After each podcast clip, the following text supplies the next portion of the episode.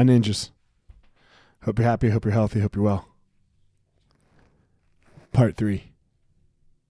If he fails, at least he fails while daring greatly, so that his place shall never be with those cold and timid souls who know not who neither know victory nor defeat. Those cold and timid souls. That's a tough one. That's the majority right there. You wake up, you have two and a half kids, you bang your wife, you know, once a week. Go to work, get yelled at by your boss. You know? That's one option. You wake up, you look at your husband over there, and you go, What the fuck am I doing with that lazy piece of shit? But you don't do anything.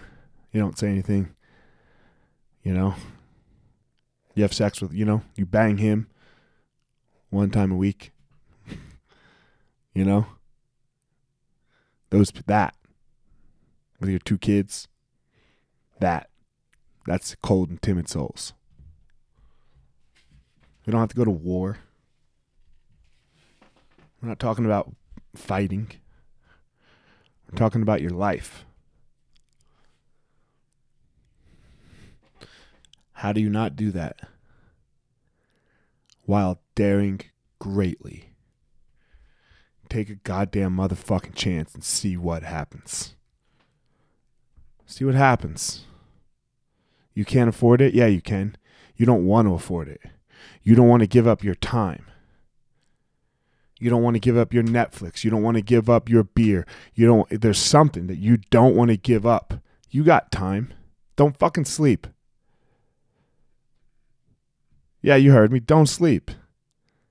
That that might be what it takes to dare greatly. I get it.